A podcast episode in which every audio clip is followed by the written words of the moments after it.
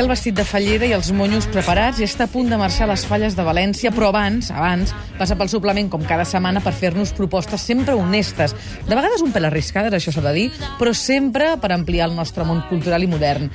Pepa Ferrer, bon dia. Bon dia. Mira, espera't un moment, perquè vas patrocinada. El Centre d'Oftalmologia Barraquer t'ofereix aquest espai. Me voy a inventar un plan para Què et sembla, això, nena? M'encanta. Això només els grans ho tenen. Paguen per tu. Sí. Paguen per tu. Això només ho tenen els grans.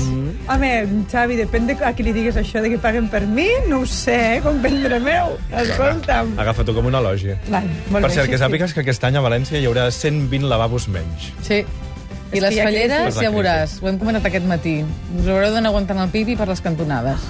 Què vols? Bueno, pensa que portem aquells... Per això, per això. Jo no dic res més, Vinga, imagineu-ho. va, jo no dic comencem. res més. Comencem amb una mica d'art, una mica de música, i art i música tot barrejat. Avui ho barregem tot. Uh, us proposem una exposició que s'anomena Genius Loki, i des de divendres vinent fins al 5 de juny la podeu trobar a la Fundació Joan Miró.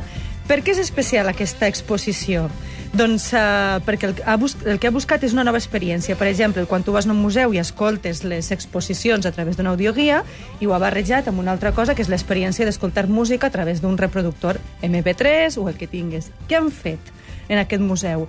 Doncs han agafat 10 grups de música i llavors han ideat 10, 10 espais per a aquests grups de música i cada grup de música ha tonejat aquell espai d'una manera a través d'una cançó seva. Val. Per exemple, els Standstill, vale? amb aquest Adelante Bonaparte. No? Han recreat, ells han recreat el seu espai, el que anomenen Standstill So, i llavors l'han recreat com si fos una gàbia d'un so. I llavors el grup hi passarà estones per allà assajant, creant noves cançons, i tu passaràs i veuràs com creen, com assagen, Adelante Bonaparte, i escoltaràs a l'audioguia Adelante Bonaparte. Molt bé. Els Amics de les Arts, ells ens conviden a posar-nos còmodes, i llavors fan una instal·lació audiovisual que reflecteix allò del I Jean-Luc, I. Jean-Luc, Vull entendre-ho, però vull no que puc. Exacte.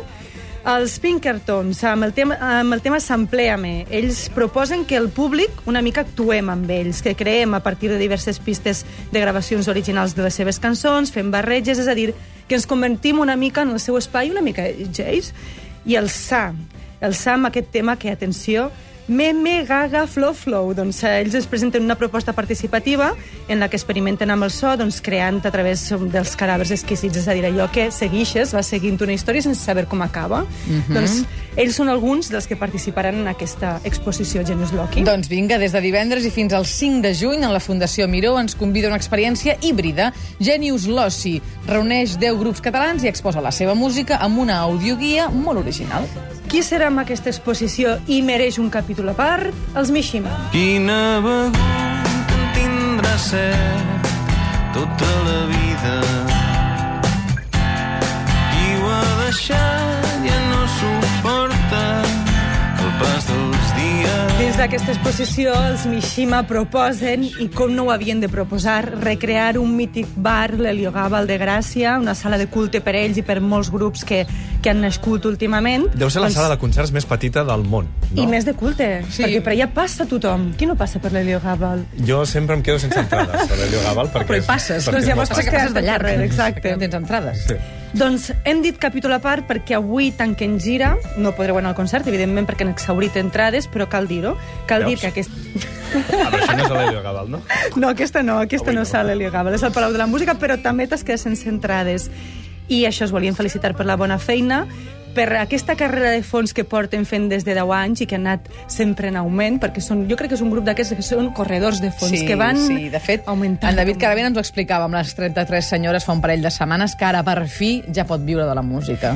Doncs uns altres, que em sembla que tampoc podreu anar al primer eh, concert, perquè ahir ja us ho va explicar el Gerard Quintana, que han exhaurit les seves entrades, que són el sopa de cabra, i avui ens hem trobat que al Twitter la gent ja demana sisplau, sisplau, volem un segon concert. De fet, ahir eh, el Gerard va dir aquí al programa que era molt probable que hi Que havia llum per que la gent que, que I- encara no tenia entrades, També ens va que quedar- hi hagués un segon concert. I també ens va quedar una mica ja a l'aire. Faran, tornarà sopa de cabra, no tornarà... En fi... Quina manera el- més pròpia del Gerard Quintana d'anunciar Sí. que potser hi haurà un Sí, segon sí. concert. Que Sí, és ja ho diuen els així. que us heu quedat sense entrades, tranquils, perquè hi ha llum. Llum.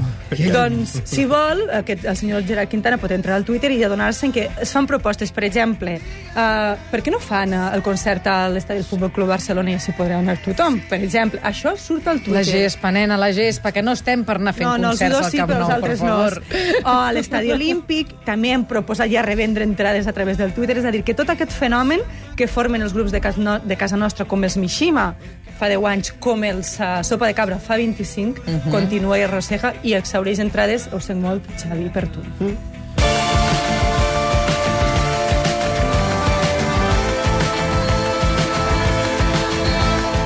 I el suplement és que, clar, jo vull parlar de propostes i les propostes venen al suplement, perquè Sí. una de les propostes que vull proposar avui, d'aquí una estona, hi serà aquí. Clar. El senyor Buenafuente. Exacte. És que, com sou?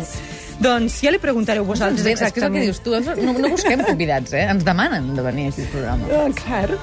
I altres, i altres els paguen. que se'ns enfadarà la Mònica, la productora Escolta. del programa, digues. Escolteu, doncs sí, perquè també segurament la seva feina tindrà uh, Sí. fent-los venir un diumenge. El projecte Walking Gallery proposa avui a Barcelona itineraris urbans per treure l'art al carrer. És un projecte que no només es fa a Barcelona, s'ha fet també a Madrid, s'ha fet a Girona, i el que vol és trencar una mica aquesta imatge de galeria dins de- dins d'una casa, no? Llavors, ens avui, a partir de les 12, al Bar Zúrich, a la plaça de Catalunya, i fins les dues, que arribarà aquest recorregut a la Cova de les Cultures del barri de Gràcia, diferents artistes portaran la seva obra, i aquest, i aquesta obra, doncs aquests seus Però com la quadres, porten? Va agafar el seu quadre amb, amb un carret. Però, no, però la porta l'artista o la sí. porta per gent del clar, carrer? Això és el que jo em preguntava, perquè, clar, si ve el, el Buenafuente aquí, qui li portarà la seva obra ja? Jo, quan ho he vist, aquesta experiència la portaven artistes, artistes consolidats com el Buenafuente, artistes amateurs, gent que s'apunta i vol treure el seu art al carrer i, les, i el porta pel carrer d'excursió. Què farà el Buenafuente? doncs li preguntarem quan vingui. Tindrà enviat especial... A partir de dos al- quarts d'una del clar, migdia. Clar, a mi aquesta... mm, Això voldré que, que ho esbrineu I tu vas pel mica. carrer i et trobes tot de gent que porta uns quadres, Quadres. a, als Llavors- braços. llavors I si els vols veure, què fas? Doncs Home, dius, no, ai, atura't un moment. parades, home, clar que sí. Atura't un moment, que vull veure el Clar, seu fan una quadre. parada aquí, una parada allà, té diferents l'itinerari, té parades. Això és Molt una bé. mica estrany, no? Sí, però No. està bé, és interactiu. Imagina que vas pel carrer, et trobes la gent passejant el seu quadre.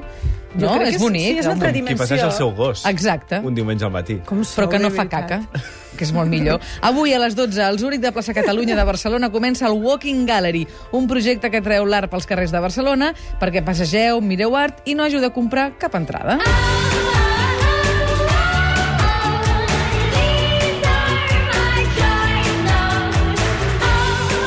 Setmana Blanca que arriba a l'àrea metropolitana. La setmana passada ja escoltàvem tots els problemes que va haver per la Setmana Blanca, que la gent igual no té calerons per apuntar-se a activitats. Doncs nosaltres avui us diem que aquí, a la Barcelona, s'han proposat diverses activitats amb preus reduïts perquè pugueu gaudir d'elles. Pels nens entre 4 i 19 i 12 anys, 19 anys anava a dir jo, eh? no sé què diran la gent de 19 anys, si són També nens fan o setmana no. blanca, els de 18, eh? Doncs escolteu, entrades gratuïtes acompanyades d'un adult. Podeu triar de, entre les propostes ja habituals d'anar des del Mirador de Colom, fer les rutes, la ruta pel Gòtic, la ruta Picasso i anar fins al Museu Picasso, la ruta del modernisme, la ruta gourmet que us portarà per restaurants de Ciutat Vella, eh, en fi, moltes activitats també. Podreu veure que hi ha un seguit de casals, d'equipaments eh, públics que obrin, que realitzen activitats, tallers, per exemple, a, a museus com el Disseny Hub, la Fundació Tàpies, el Museu d'Història, i una de molt interessant, per exemple, l'Institut del Mercat de Barcelona, que explica, ens explica, fa un taller de com, eh, com fer la llista de la compra, com anar a comprar al mercat, com conèixer els principals productes d'un mercat, és a dir, que podeu trobar activitats a preu reduït i passar-s'ho bé aquesta setmana. Doncs ja ho sabeu, si aquesta setmana teniu vacances, només heu d'entrar al web eh, bcn.cat barra vacances hivern i fer cerca perquè teniu mil i una opcions per portar els nanos amunt i avall.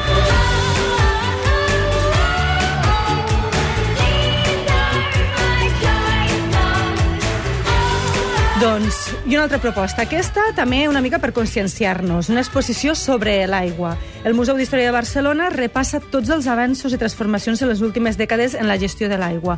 I us la propose perquè sempre que he anat a algun museu i he trobat exposicions d'aquestes, m'he adonat que a la gent li interessa saber què fem nosaltres amb les nostres aigües residuals, Clar. per on passen, com aprofitem l'aigua, no? Com les hem utilitzat ara. Clar, aquesta exposició, per exemple, fa un recorregut no? de com del 1867 fins al 1967, una mica com es van anar cobrint les necessitats de la ciutat. Més coses. Eh, parlant d'aigua, les aigües s'han calmat i han arribat a bon port a, Trina, a Trinitat Vella. Què passaven allà?